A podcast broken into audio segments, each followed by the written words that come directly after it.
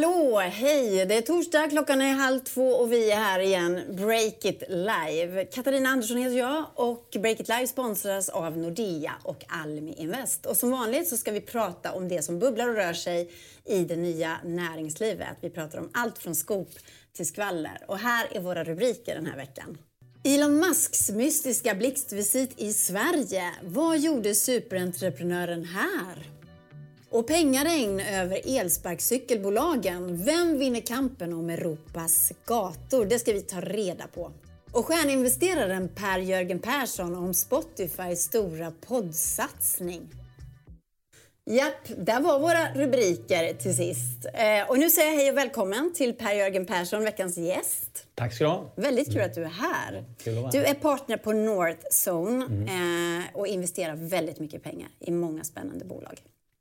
När jag ändå har dig här, bara en kort fråga så här att börja med. Eh, det kom en nyhet i veckan om Spotify och du har ju en nära relation till Spotify.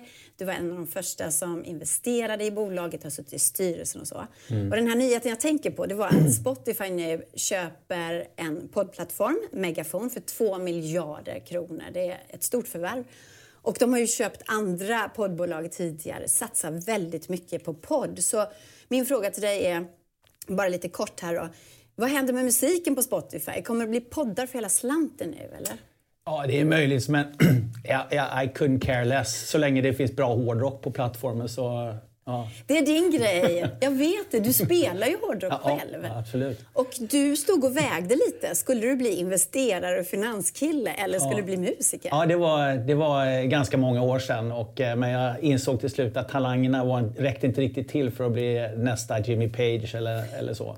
Men kan du inte byta över nu när du har lyckats så bra i finansbranschen? Ja, alltså, tyvärr har ju kraven ök, ökat snarare än, än minskat. Så att, eh, jag, jag, vet, jag får nog fortsätta att fila på det hemma vid liksom, eh, eh, på egen hand. Jag tror att du hade lyckats urbra. Jag tycker det låter som en bra pitch. Alltså vilken story liksom. Finansmannen som blir heavy metal. Jag tycker du ska försöka. Men du, eh, vi ska komma tillbaka till dig senare. Alla som vill också kan slänga in frågor på Breakits sajt eller på Breakits Facebook-sida till Per-Jörgen för att i slutet av sändningen här så kommer han att svara på alla frågor. Du kan ställa vilka frågor som helst eh, till honom. Men nu går vi vidare till veckans stora, stora snackis. För i helgen så landade ju nämligen superentreprenören Elon Musk i sitt privatjet på Skavsta flygplats utanför Stockholm. Och därifrån tog han sig med en bil till ett slott utanför Eskilstuna där han var med på någon slags temabal. Men vad är väl en bal på slottet? Vi ska koppla in Breakits redaktionschef Jon Mauno Pettersson. Hej Jon! Tjena katt! Tjena! Du, du vet ju mer om den här mystiska resan som eh, Elon Musk gjorde till Sverige. Vad gjorde han på det här slottet egentligen? Vet vi det? Ja, det är en bra fråga. Eh, det vi vet egentligen, som du var inne på lite, han landade ju på lördag, lördagskvällen där på Skavsta och möttes upp av ett gäng liksom Tesla-entusiaster som hade fått nys om att han var på väg med sitt privatplan till Sverige. Eh, och några av dem där valde liksom att följa efter honom för att se vart han tog vägen. Liksom privatdetektiver slash stalkers, beror på hur man ser det. Eh, och följde liksom efter hans Tesla hela vägen till ett slott utanför Eskilstuna då, som du var inne på. Som var så upplyst och där utanför var det liksom hyrbussar och taxibilar åkte fram och tillbaka. Så det verkar vara en ganska stor tillställning. Eh, Mm. och din fråga var ju liksom, vad hände där inne? Och det är en jättebra fråga. Vi vet inte liksom supermycket, men vi har fått höra lite grann i efterhand om att det förmodligen var ett födelsedagsfirande som pågick där inne. Mhm. Och vad, vem var det här födelsedagsbarnet då? Ja, men det ska ha varit Ken Howery, jag vet inte om jag uttalade namnet rätt, men eh, som, var, som han grundade Paypal med för massa år sedan, som idag är ambassadör för USA i Sverige. Då. Eh, han fyllde 45 i förra veckan. Så det, vad allting tyder på så var det han som hade ett födelsedagsfirande. Och det var som du var inne på ett tema. Temat ska ha varit någon surrealistisk bal. Och exakt vad Elon var utklädd till vet vi inte. Vi vet att han hade en ryggsäck på sig i alla fall. Och så vet vi också att Carola ska ha varit där enligt våra uppgifter. Spännande. Den här Ken Howery, jag måste vända mig till dig Per-Jörgen. Han är ju lite av en kollega till dig. Han är ju en superinvesterare också. Han är ju finansman. Eh, han är med på Forbes lista av världens rikaste. Det mest spännande med honom är väl att han parade ihop sig tidigt med Peter Thiel som är en tidig investerare i Facebook också känd Trump-anhängare. Tillsammans så kom Elon Musk in där och så, mm. så blev det eh, Paypal. Eh, och sen har ju han eh, fortsatt att intressera sig för tech och tech-investeringar och när han blev ambassadör nu då i Sverige mm. så sa han ju att ett av hans uppdrag, kände han, var att stärka just de här techbanden mellan USA och Sverige. Du bor ju där, inte så långt från eh, den amerikanska ambassaden. Ja, precis. Och, ja, second in command, eh, eh, Pam Tremont, hon, hon bor granne med mig faktiskt till och med. Ja. Men jag har än så länge inte träffat eh, Ken i sin nya kapacitet, men han var eh, partner på Founders Fund som investerade eh, något år efter oss i, i, i, Spotify. Och, och, då var det på den tiden när Sean Parker var eh, mm. också med i, i Founders Fund. Så att, eh, det är ju liksom ett, eh, ett ganska tajt gäng från Paypal-tiden som fortfarande då har en väldigt inflytande över, eh, över massa olika startups och eh, även venture capital-firmor. Eh, Peter Thiel, eh, som sagt, han har ju också flera andra Eh, eh, venturefirmor som han jobbar med och som han är, direkt eh, in, intressent i. Så mm. att, eh, han, är en, han är en maktfaktor på riktigt. Mm.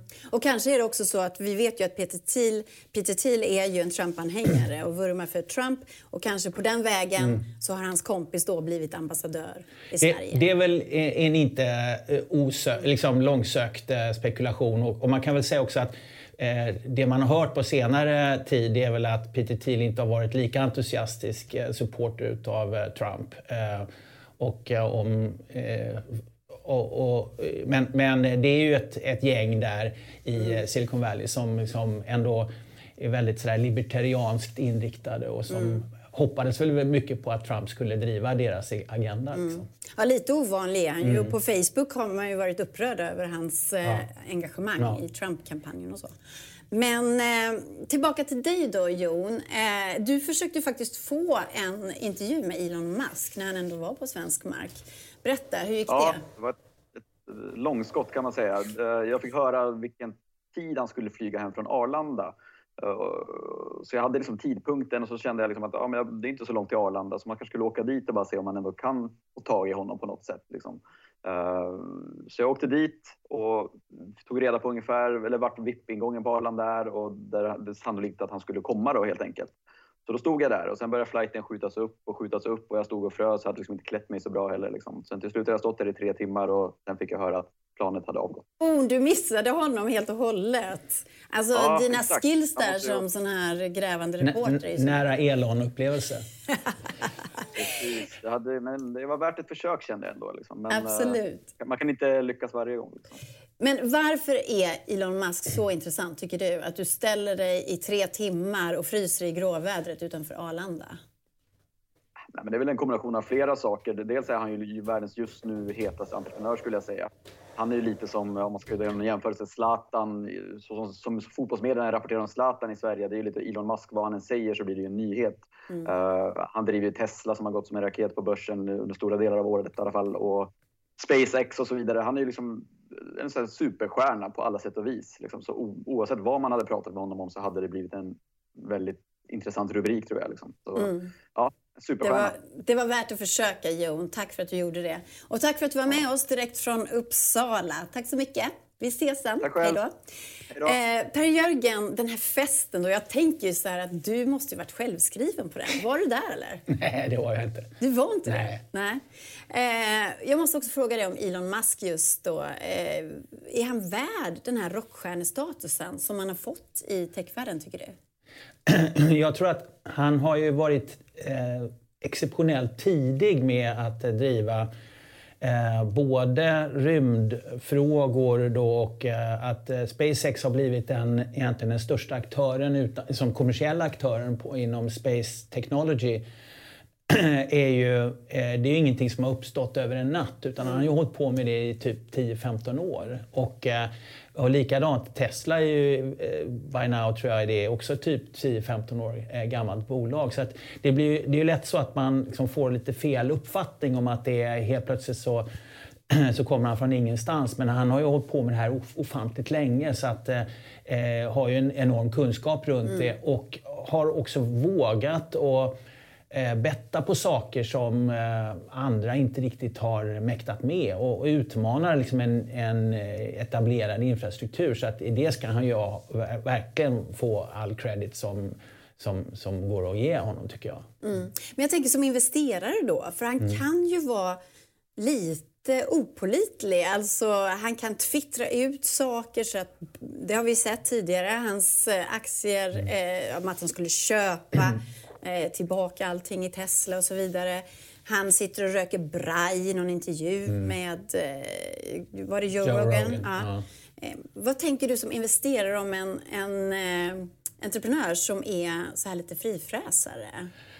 Alltså det kom ju, kom ju ibland i, som en del av ett, av ett paket man måste ta ställning till. Och, eh, vissa entreprenörer eh, är ju eh, har ju liksom ett, ett, större frihetsbehov än, än, andra om man säger så. Mm. Och, eh, och då får man liksom ta det onda med det goda. Och eh, sen, sen när det just, gäller just eh, när man driver ett eh, börsnoterat bolag som, eh, som Tesla trots allt är så, så skulle jag nog vilja påstå att det är ganska eh, ganska reckless av honom att göra som han gör. Eh, för det är ju trots allt massa småsparares pengar och sånt där som är eh, står på spel när man tweetar ut saker som egentligen är tänkta som skämt. Mm. Jag, jag, tycker inte att en, en storägare och en, eh, en företagsledare ska liksom spela med småsparares pengar på det sättet. Jag tror man får vara mer försiktig. Tråkig förvisso, men mm. försiktig. Jag undrar om det är någon i hans styrelserum som tar honom i örat? Eller om han ja, får det, leva på? Ja, det, det, får man ju hoppas ja. Eh, mm. faktiskt. Eh, vi ska gå vidare för vi har en spaning till och nu kopplar vi upp Tobias Blix, Breakers reporter, också han i Uppsala. Hej Tobias, hur är läget? Hej Kat, jo det är bra här. Du, vad vi ska prata om nu det är ju pengaregnet över elskoterbolagen. För TIR tog in över 2 miljarder nu i veckan. Och Breakit har rapporterat att Voi också är på väg att ta in pengar i en monsterrunda, en miljard har vi skrivit om. Kanske kan det offentliggöras eh, den närmaste veckan. Vi får se. Men Tobias, du har ju följt den här utvecklingen med sparkcyklar väldigt länge. och Åkt väldigt mycket sparkcykel också. Varför varför strösslar investerarna pengar över sparkcykelbolagen just nu? Eh, ja, men vad ska man säga där är att eh, man har strösslat pengar över, över de här bolagen eh, väldigt länge egentligen, ända sedan starten för, för över två år sedan nu då. Så, så även om det just nu, de här aktörerna börjar säga och visa att det går bättre och att man börjar närma sig någon form av lönsamhet, rörelsemässigt i alla fall kanske, så, så är det en kapitaltung verksamhet. Det behövs mycket pengar för att rulla ut alla de här eh, tusentals elsparkcyklarna. Sen så har vi ändå i och för sig börjat gå in i en lite mer eh, mogen fas kan man väl säga. Alla minns ju i början när det stod eh, elsparkcyklar på varje gathörn egentligen. Man bara tävlade om att vara först överallt. Eh, riktigt mm. så är det inte längre. Det är det inte. Eh, Per-Jörgen, det här är ju, sitter som hand i handske då. Du sitter här, eh, för du och North Zone har ju investerat i just TIR. Just det. Mm. Eh, och eh, som Tobias sa här så, så har ju de här bolagen behövt väldigt mycket pengar under lång tid. Sen kom corona, mm. då tog det nästan stopp. Så nu behövs ännu mer pengar. Hur mycket tålamod har ni investerare? Mm. när det gäller elskoterbolagen? Det är inte riktigt sant det där att det tog stopp. Utan det var Eh, det var några aktörer som bestämde sig för att, eh, att det, det var för hög risk att mm. Eh, driva ehm, att driva verksamheten under den tiden. Och TER var den, faktiskt den enda som höll liksom, lyset på under, genom hela mm. pandemin. Mm. Och det visade sig vara ett genidrag eh, och som gjorde också att, man, att, att TER skapar egentligen plattformen för den här jättestora kapitalanskaffningen. För de har ju växt om alla andra, är nu världens största ehm, eh, elskoterbolag. Mm, spännande. Eh, och eh, vad som också har, har eh, stått klart att under den här tiden så har egentligen eh, iterationen på produkten, när man har skapat nya produktvarianter liksom, som har eh, kanske inte märks så mycket för den enskilde konsumenten men det spelar väldigt stor roll på hur väl affären fungerar. För att eh, som jag tror att de flesta eh, noterade i början så var det ju egentligen det ganska smäckiga eh, apparater som gick sönder ganska snabbt. Mm. Och sen efter det så kunde man också ställa sig frågan, var det egentligen rationellt att åka ut med eh, vans och samla ihop dem och sen så ladda dem och sen ställa tillbaks dem. Inte Nej, så hållbart va? Inte speciellt hållbart och inte heller speciellt eh, kostnadseffektivt. Så att, ehm, eh, TIR och Voi var ju först med att iterera ordentligt på produkten. Mycket bättre än vad både Lime och Bird gjorde som mm. var egentligen eh, pionjärerna på marknaden. Så att man kan väl säga så att min spaning det är att det blir TIR och eh, Voi som blir de världsledande företagen här snarare än Bird och Lime. Spännande. Mm. De europeiska bolagen ja. alltså går det, om de amerikanska? Det kan man ju också säga så att eh, om, alla har väl, eller många har varit i USA och sett att nästan alla amerikanska städer med få undantag är byggda för bilåkning. Mm. Eh, eh, vilket gör att eh, liksom, eh, ställa sig på en skoter, det liksom, Livsfarligt. Det är inte alls lika, lika naturligt eh, passform som det är i, i de eh, hundratals europeiska mm. städerna mm. som byggdes på, på en helt annan logik för flera liksom, hundra år sedan i många fall. Och, eh, eh, man har ju sett det att också utnyttjandegraden på skotrarna i Europa är mycket högre än vad de är i de amerikanska städerna. Mm. Tobias, jag måste bara koppla in dig också. Eh, vi pratar ju här om att de här tjänsterna har gått från att Först skulle man bara synas och märkas med ganska dåliga produkter då. Eh, och sen nu så har man då gjort en rad saker för att uppa tjänsten. Eh, vi pratar om prenumerationsmodeller till exempel. Det här med att byta ut då batterierna på mm. plats då, istället för att börja, mm. börja åka runt och göra det. Men Tobias, du, du berättade också för mig tidigare om en annan tjänst som var det Voi eller TIR som hade den? En, eh, en rattonykterhetstjänst. För vi har ju sett väldigt mycket olyckor också med de här elskotrarna. Det vill man komma runt om man vill göra en riktigt bra tjänst. Ja, men precis. Eh, koppla bara lite till det Per Jörgen sa. Det, det är ju, man brukar prata lite om Tearvoy som, som är de två som verkar ta täten här. Men det finns ju också Lime och Birds i USA som är stora spelare och som är med och utmanar. Så det är väl lite de fyra man brukar prata om. Mm. Eh, och där har man ju gått nu lite ändå mot mot någon form att, att man istället då tävlar om den bästa användarupplevelsen snarare och den bästa produkten, bästa säkerheten snarare än att synas överallt. Det blir ett form av sätt att låsa in sig i, låsa in kunderna i appen helt enkelt nu, nu när alla har en app. Mm. Eh, och där är ju säkerheten också en del i det här. Vi har ju sett bland annat Voi som, som gick ut med att de testade det här fylletestet nästan som som aktiveras på ja, men helgkvällar egentligen efter en viss tid så, mm. så ska du spela ett litet spel i mobilen där innan du ens kan låsa upp din elsparkcykel och det är ju just för att det har varit mycket kritik mot, att, eh, mot olyckor inom sparkcykelbranschen. Vad är det här för typ av spel då? Man ska testa sina reaktioner? Ja, precis, ja, precis. Ett reaktionstest. Typ. Jag inte spelat själv, för jag, jag, ingen som är ute och dricker nu i corona kanske. Framförallt inte förbjudet nu igår. Men, men precis, nej, men det, det, jag, tror, jag tror som jag förstått det så kommer det väl upp små ikoner som du ska trycka på snabbt på skärmen där och testa dina reaktioner och se ifall, den får, ja, ifall du kan uh, åka elsparkcykel. Mm. Och då kanske man kan komma undan vissa olyckor för det är ju folk som slår sig halvt fördärvade på de här elsparkcyklarna. Men du Tobias, eh, vi har alltså pratat om nya stora pengapåsar till er elsparkcykelbolagen. Eh, hur det gäller att bli bäst nu då. Så om vi tittar på TIR och, och Voi som vi pratar om här. Eh, tycker du också, precis som eh, Per-Jörgen, att det är TIR som vinner här? Eller hur ser det ut? Eh, mellan de två, ja, men det tror jag att det är ganska mycket upp och kasta den. Tier är väl de som är i flest städer eh, idag av de två, är jag mm. rätt säker på. Båda satsar ju hårt. Eh, Tier är väl också främst i Tyskland som de har en absolut majoritet av sina städer om jag inte minns helt fel. Det är definitivt, tror jag, de två som tävlar och, och de båda menar ju att de har gjort en hel del satsningar som som de amerikanska bolagen eh, borde ha gjort kanske, men inte riktigt hunnit med just kring utbytbara batterier. TER satsar ju stort på, på infrastruktur för att användarna ska kunna ladda batterier själva och även både TER och Voi säljer sina eh, eh sina tidigare modeller av elsparkcyklar till användare när de har restaurerat dem. Så många satsar ju på extra hållbarhet och extra infrastruktur kring miljö och eh, återanvändning. Så de, de delarna är ju väldigt intressanta skulle jag säga.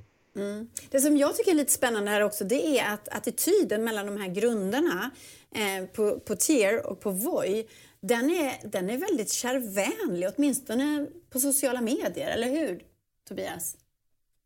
Ja, men precis. Jo, men så här, Tove, min kollega, intervjuade ju Tears eh, VD Lawrence Leuchner där tidigare och han pratade mycket om att han tycker att Fredrik Hjelm som är VD på är en så bra person och, och liksom att de pushar varandra och man ser att när Tear lägger ut något i LinkedIn så är Fredrik Hjelm där och likar ofta. Så, så det verkar vara ganska, ganska vänligt emellan varandra där ändå och, och det, mm.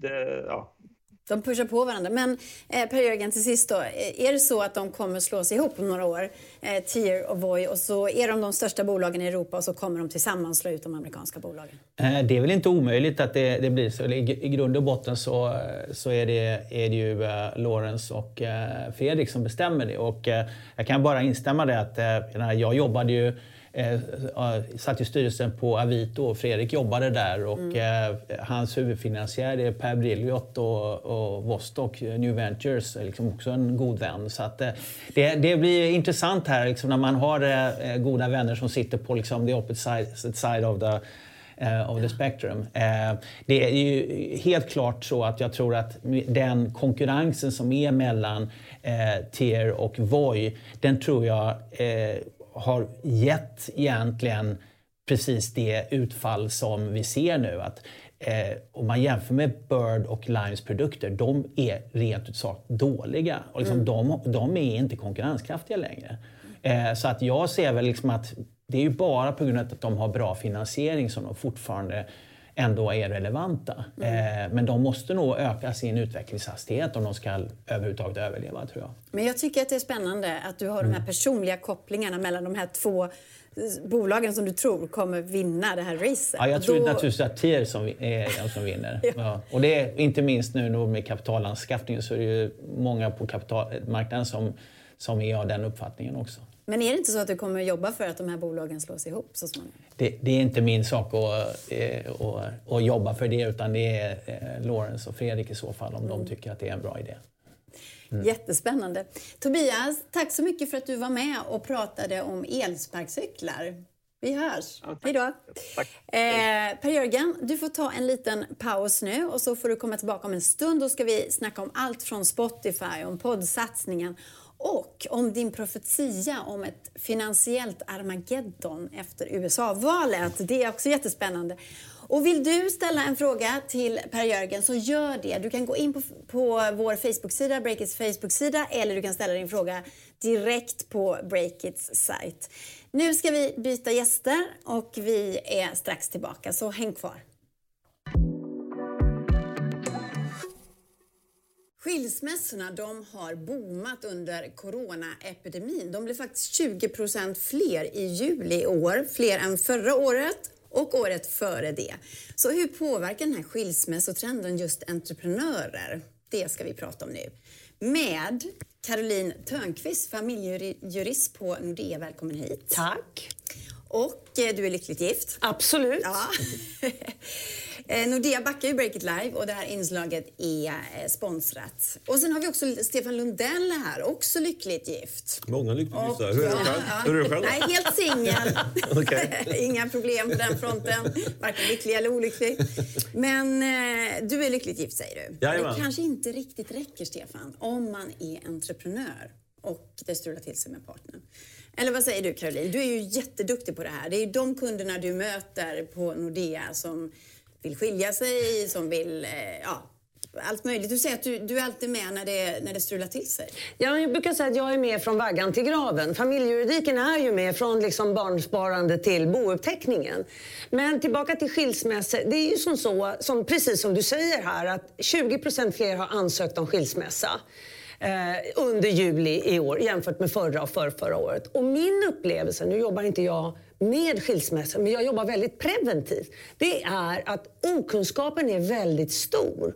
Och särskilt om du då är entreprenör så är det väldigt många som inte är medvetna om att värdet av aktierna i det bolag som jag kanske äger hela eller jag är delägare i, det ingår i den så kallade bodelning som ska göras mellan mig och min make-maka mm. den dagen vi skiljer oss.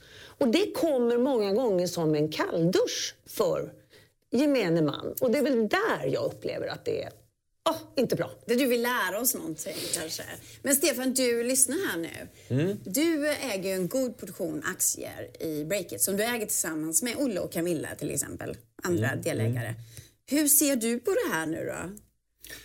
Uh, har du nej. tänkt på det att om du ska skilja dig någon gång, har ett äktenskapsförord till exempel? Jag har inget äktenskapsförord. Det gjorde jag faktiskt. Jag har, gjort, men jag har gått in med det med, kan säga, med öppna ögon. Jag känner till att om det skulle vara så att, eh, eh Gud förbjuder oss, skulle det vara så att jag och Gunilla går skilda vägar, då, då tar hon ju hälften av mina, mina aktier i Breakit som är ungefär 30 idag.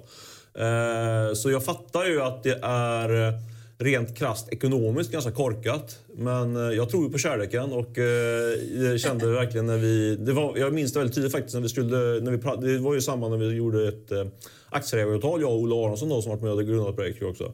Då sa jag det, jag stod i köket och sa jag vägrar skriva äktenskapsfrågor. Det är liksom, jag, jag kommer inte göra det. Liksom. Så jag har gjort det med, med öppna ögon. Men jag, men jag förstår att det är lite korkat också. Kan man. Men hur reagerar du på det? Nej, men jag, jag ska vilja säga så här, det är inte korkat därför att du använder någonting som jag gillar. Du har gått in med det med öppna ögon. Men du har ju andra delägare som är med. Det kan ju vara som så att de separerar. Och vad jag menar är att värdet ingår ju. Och om någon av dina kollegor, delägare som är med i bolaget, de kanske inte är riktigt lika lyckligt gifta eller så är de precis lika lyckligt gifta. Det vet inte jag.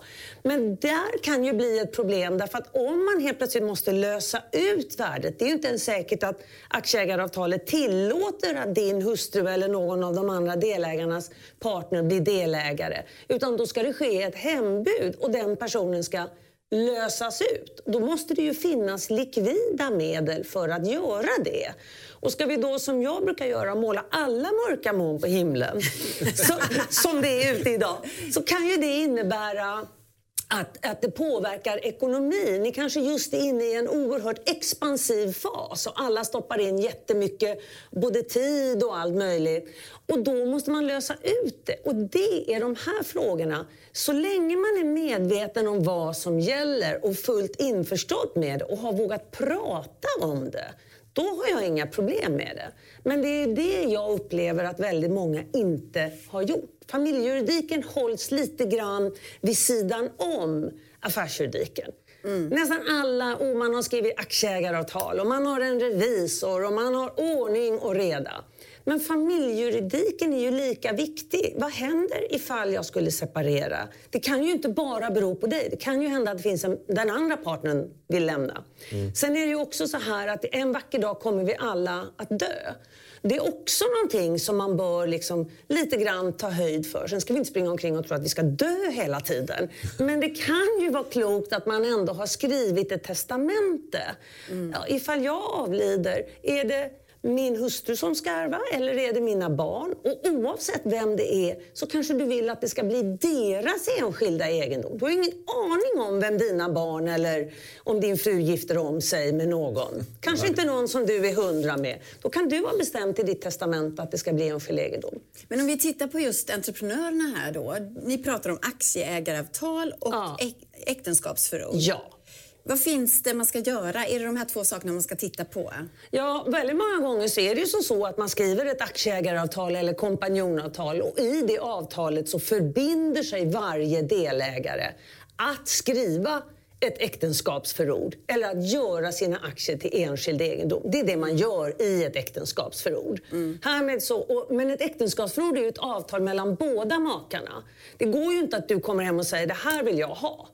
Då skulle inte jag, om jag var din hustru, heller skriva på. Men då menar jag att då kan man ju sätta sig ner och tänka, ja men om nu aktierna ska vara din enskilda egendom, då kanske din hustru eller din partner ska ha annan egendom som sin enskilda egendom. Mm. Så att man någonstans liksom laborerar med det. Och sen är ju det här färskvaror. Det som gäller idag behöver inte gälla om fem år eller ens om två år. Och definitivt förmodligen inte om tio år. Så man måste ju uppdatera och mm. skriva om. Jag blev bara spänd, Stefan, när du sa att du så, så tydligt sa till din delägare jag tänker inte skriva äktenskapsförord. Mm. Hur gick Olle med på detta? Såg han besviken ut på dig? Eller? Vi pratade telefon minns jag. Olle tror jag bara tuggade i sig det. Olle brukar ju, brukar ju absolut ha rätt starka åsikter och så, men just i det här fallet så så kände han väl att jag menar allvar på något sätt. Jag var väldigt tydlig med det. Och sen, så, sen tycker jag en aspekt, jag håller med mycket det du säger och eh, ska jag vara liksom lite krass då så, så tycker jag väl typ att alla mina, mina medgrundare och partners ska ha äktenskapsförord. För, för jag vet att... Han, för jag tycker att... För jag, tycker- jag, orättvist. Ja, jag vet, men för jag kommer inte skilja mig. Men jag vet att hälften av äktenskapen slutar tyvärr i skilsmässa, ish ungefär. Så jag menar rent statistiskt sett sådär. Men sen tycker jag en aspekt till också. Att jag tycker att min fru faktiskt varit med och byggt upp breaket på, på många år. Hon sitter styrelsemöte och sådär. Så jag tycker inte det är mer rätt att hon ska ha hälften av aktierna om det skulle vara så att vi går skilda vägar. Inte. Och det tycker jag är underbart att du säger. Men här gör ju du ett aktivt val. Och det är tillbaka till din första fråga. Det är ju det här aktiva valet som du måste göra. Sen ska man också komma ihåg att många gånger så är ju företagare, entreprenörer, lyfter ju utdelningar ur sina bolag. Man tar en lägre lön därför att vi har ett sådant system och sen så tar man en högre utdelning. Där är också viktigt att veta, är den utdelningen så kallad avkastningen av, om man nu har gjort aktierna till enskild egendom. Är den enskild egendom eller är den sådan så kallad giftorätt, det vill säga ska delas? Eh, Och huvudregeln är att utdelningar, avkastning av enskild egendom är inte enskild egendom. Så att om man nu har skrivit ett äktenskapsförord därför att Olle eller med honom andra personer har insisterat på det och ni har skrivit på om det. Så kan man ju också vara noga med att jag vill ändå att alla utdelningar jag tar, det ska självklart delas. Och så är det enligt lag. Men jag brukar vara väldigt noga med att skriva in att utdelningar, avkastning ska vi dela på. För då vet man att vi har lyft den frågan också.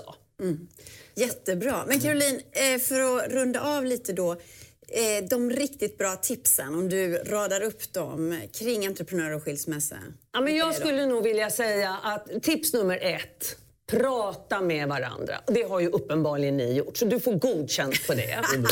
Nummer två, det är ju att skaffa korrekt kunskap.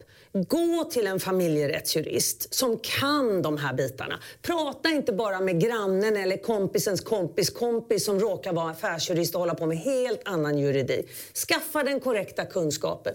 Och nummer tre, agera utifrån den kunskap du har fått. Behöver du skriva, så gör det. Behöver du inte, ja men gör då inte det. Men då har du i alla fall liksom pratat, skaffat kunskap och agerat. Det är mina tre tips. Underbart! Väldigt bra. Tusen varma tack för att du kom hit och pratade skilsmässa. Ja. Caroline Törnqvist, familjejurist på Nordea som också sponsrar Break It Life. Och nu så ska vi möblera om i studion lite grann. Strax så har vi stjärninvesteraren Per-Jörgen Persson här igen, så stanna kvar. Yes, nu är du tillbaka eh, Per-Jörgen. Eh, och eh, det här segmentet i, i Break It Live, det handlar också om att tittarna ska få ställa sina frågor till dig. Så det kan du alltså göra, det är bara att slänga in frågor som jag sa. Han svarar på precis vad som helst, eller hur? Ja, det, det jag kan svara på. Du, jag vill börja med eh, det vi pratade om lite tidigare. Eh, I veckan så kom en Spotify-nyhet. Ditt hjärta bankar väl lite extra för just Spotify eftersom du var tidig investerare? Absolut. Eh, Ja, det var ju under tio års tid som jag följde bolaget och satt i styrelsen. Så att, eh, och de, tidigare, de tidiga inkarnationerna utav produkten och sen så eh, gradvis hur det utvecklades och blev ett, eh, från ett litet företag till ett stort företag. Plus att du älskar musik då, speciellt Absolut, ja. heavy metal. Ja. Ehm, och nu i veckan kom ju nyheten att de köpte, köpte Megaphone som är en poddplattform, en amerikansk, två miljarder kronor då. Och som vi sa så har de ju tidigare då köpt andra poddbolag i USA. Man har köpt Joe Rogans podcast, Kim Kardashian är exklusiv på Spotify precis som ex-presidentfrun Michelle Obama. Så man satsar ju väldigt hårt på det här. Eh, kan du förklara varför Spotify satsar så hårt på just poddar?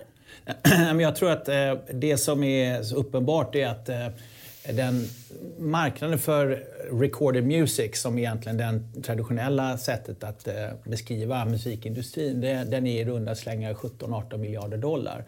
Men om man tittar på radiomarknaden för kommersiell radio så är den eh, faktor 4-5 utav det. Så att det är, när, är liksom någonstans mellan 80 och 100 miljarder. Eh, och eh, den marknaden har ju inte riktigt utvecklats i det digitala Eh, formatet i någon speciell omfattning. Eh, och eh, det som ehm, som man ser nu det är ju att podcaster eller spoken word blir tillsammans med nyheter förmodligen den metoden som Spotify har för att börja att ge sig i kast med den marknaden och faktiskt över tiden ersätta den kommersiella radion. För att jag tror att i grund och botten så det behovet vi har när vi åker till jobbet på morgonen det är att liksom, lyssna på musik, lyssna på, my, eh, på nyheter och bli liksom, informerad om mm. någonting som intresserar oss. Och eh, radions format eh, löser det delvis ja. men har inte riktigt eh, eh, utvecklats i den takt som de skulle kunna göra. Och eh, med, med den enorma content eh, som, som då de här streamingplattformarna där Spotify ligger i täten i världen mm. så, så är det ju naturligt att de går efter den marknaden. Men vad du säger då är att eh, Spotify kan komma att döda kommersiell radio? Ja, Sådana plattformar? Ja, absolut. Och jag tror att eh, om man tänker sig att nästan varenda bil idag har ju någon form av eh, integration med eh, Spotify. Ehm, och likadant eh, hem, eh, hi-fi-anläggningar, mm. likadant där. Och, eh, så att jag tror att över tiden så, så kommer nog eh, hela den marknaden att liksom gå över till att vara distribuerad på samma sätt som alla andra eh, mm. eh, digitala produkter. Och då är den som har pole position där i den transitionen utav den marknaden, det är definitivt Spotify. För det är de som har tänkt längst på det och också exekverat och eh, säkrat content. Och det är ju alltid, alltid innehållet som avgör eh, mm. om, om användarna eh, kommer och stannar. Mm. Men det jag tänker på är lite så här, i, i vanlig flödesradio, mm. man kan ju sätta på den, så kan han ju vara ja. i bilen och det kommer en låt och sen kommer det nyheter mm. och sen kommer något program och så vidare. Du menar att poddformatet kommer lösa det där också? Ja, om, eh, Spotify har ju världens största radiokanal inom hiphop med Rap Caviar. Eh, mm. och där, det är ett brand i sig som eh, har då både information, eh, what's hot and what's not i, liksom, mm. i hiphopvärlden och då eh, själva musiken i sig. Så att det, det blir som en, ett format som, mm. eh, som konkurrerar med vilken hiphop-kanal som helst i, eh, i världen. Bara att de gör det på global skala och de har ett helt annat liksom, eh, intensitet i, i, i eh, produkten än vad liksom en, en, en amerikansk eh, kommersiell kanal idag har ju ungefär, jag tror att det är någonstans runt 24-25 minuter reklam per timme. Så att det är ju nästan outhärdligt. Ja. ja, men ja. Jättespännande. Mm. Vi ska följa den utvecklingen. Ja. Du är helt säker på att du får rätt här? Eh, ja, det kan man aldrig vara. Men... Nästan. Jag vill eh, prata med dig ja. om det amerikanska presidentvalet också. För i somras så gav du dig in i debatten och du skrev på Medium mm. om ett finansiellt Armageddon. Det var mm. ditt citat. Eh, om Trump skulle vinna det här valet. Och, och artikeln... Nej, det var inte om Trump skulle vinna det. Nej. Nej. Okej, okay, jag hade fel där. Du skrämde ja. i alla fall upp folk ordentligt. Ja, precis. Ja. ja. Och den fick spridning. Var du, ja. var du eh, överraskad att den fick sån spridning? Eh, ja, det var jag nog faktiskt. Men själva min, eh, min tes handlade egentligen om att, att eh, vi och vi är nästan i det läget just nu, men inte riktigt så illa som, som jag prognostiserade då. Mm. Det var att vi skulle komma i ett läge där det blev en konstitutionell kris på grund av att ingen kunde utses till vinnare och mm. att man också skulle börja och, och bråka på riktigt eh, eh, runt eh, vem som tillträder som president. Eh, mm. och, och vi, vi, ser ju förvisso att det finns tendenser till det, att Trump kommer att eh, liksom inte kommer ge sig med, eh, ge med sig liksom frivilligt. Ja, men undrar om de ska bära ut honom ur Ja, precis. Eh, men nu, nu förefaller det som att det är ändå ganska klart att mm. han har förlorat. Mm. Eh, och det är väl bara en tidsfråga innan innan även han någonstans eh, går ut bakväg eller något sådant. Men min, min tanke var att eh, det kanske är ett läge där det inte går att utse någon vinnare och när det blir en konstitutionell kris. Och då, det som vi har njutit av de senaste 20-25 åren, det är ju låga räntor och eh, en, en ständigt uppåtgående aktiemarknad med undantag av, av 2008-2009. Mm. Eh, och, och att det som har varit liksom bränslet för det har varit en, framförallt lågränteekonomin och att vi har lånefinansierat nästan liksom överallt oavsett om Eh, om eh, landet heter eh, Kina, eller USA eller Japan. Så är, det mesta är lånefinansierat av den här framgången. Och att då komma ett läge när världens största ekonomi eh, inte förmår lösa sina konstitutionella problem och samtidigt mm. kör med 18 procent i rött. Liksom, och ska rulla runt 2 triljoner dollar mm. i nya, eh, nya skulder. Då måste nog de flesta långivarna ställa sig själv frågan Ska vi verkligen ha nollränta på det här? Ska vi inte ha lite riskkompensation? Och om de då får det, ja, då kanske det blir en, liksom en förtroendekris för dollarn och då kanske dollarn kollapsar som följd av det. Och, mm. och det skapar då den här jordmånen för en, en finansiell eh, Armageddon. Mm. Som jag, jag tror inte vi är där. Jag, jag, det, är inte, det är inte så illa som, som jag spekulerade om Fast då. du kanske är glad för att det inte blev så? Oh ja, absolut. Eh, men eh, här hemma då, hur ser du på det? Hur det ser ut? Eh, ja, de effekterna från USA-valet nu här hemma, blir det någon effekt? Ja, alltså, eh, jag, jag har en, en god vän som, eh, som jobbar på Thomson Reuters och som, fråga, som ställer frågan varför är ni så himla upptagna av USA-valet? Det räcker väl att titta i Polen och se vad som pågår där. Mm. Det är ju fruktansvärt eh, de rättigheter som håller på liksom, att tas bort där till, från befolkningen. Och jag tänkte så här att vad, eh, varför har jag inte informerat mig om det? Vi är, liksom, mm. vi är lite besatta med USA.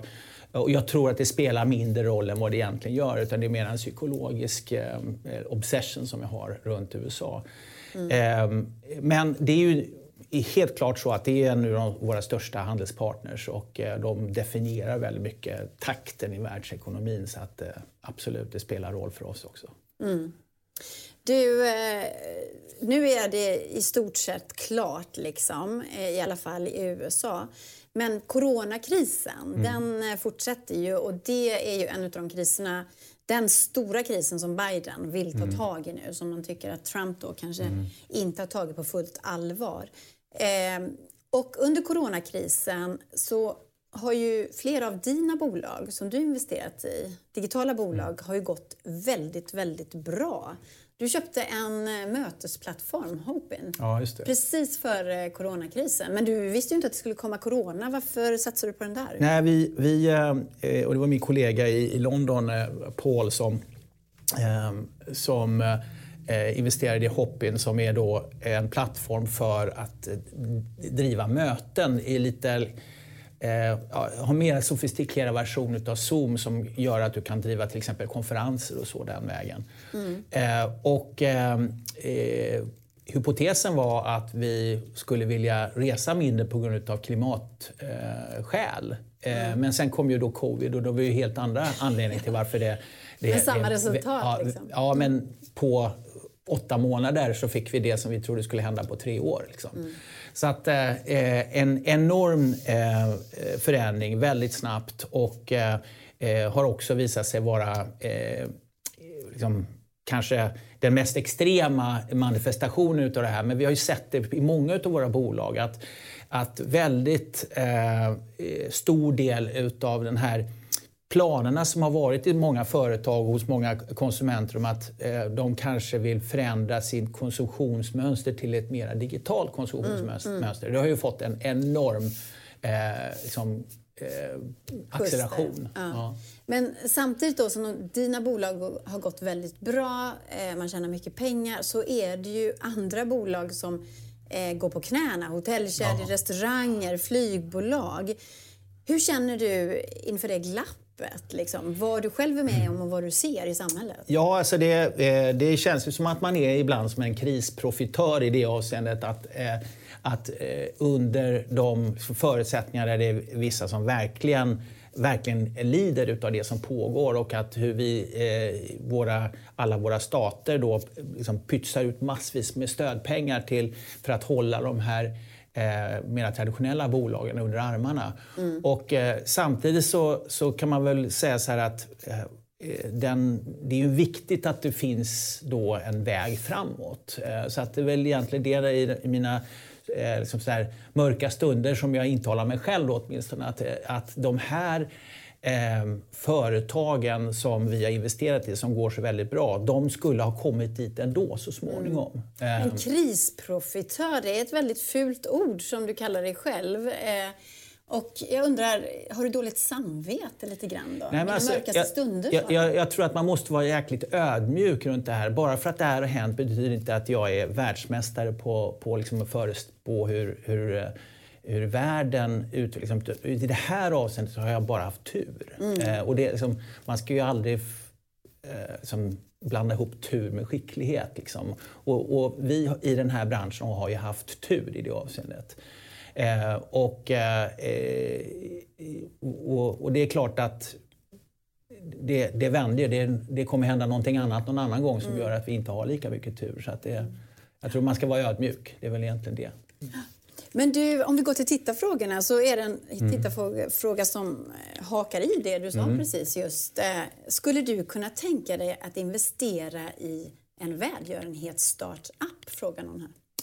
Ja, alltså, personligen så eh, är eh, jag och min hustru, vi, har, eh, vi lägger en stor del utav eh, det kapital som vi eh, disponerar över i ett, eh, en, en, ett projekt som heter 1825 som är mm. ett center för för eh, att bekämpa mental ohälsa för unga vuxna. Eh, som är ett område som är eftersatt och där man, när man fyller 18 år så skickas man ut ur liksom barn och ungdomspsykiatrin och, och hamnar ute i vuxenpsykiatrin som är väldigt dåligt fungerande för unga vuxna som fortfarande liksom är väldigt sökande på väg ut i, i, i livet. Mm. Och, eh, det finns ju till och med vetenskapliga bevis på att eh, hjärnan är inte färdigutvecklad förrän vid 25 års ålder.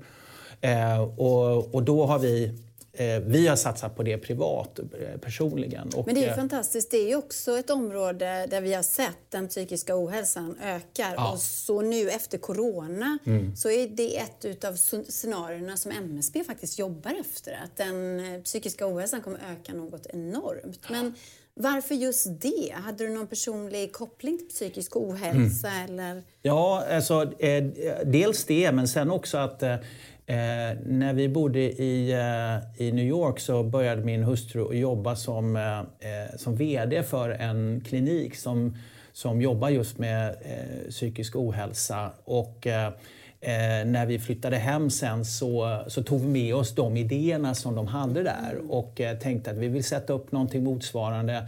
Ehm, det finns Eh, det, fin det, finns både en behandlingsdel i det med eh, terapeuter och sen så finns det också en, en opinionsbildande del som vi håller på att bygga upp. Då för mm. att, så vi eh, kommer kunna... få se mer av det här? Ja, jag hoppas det.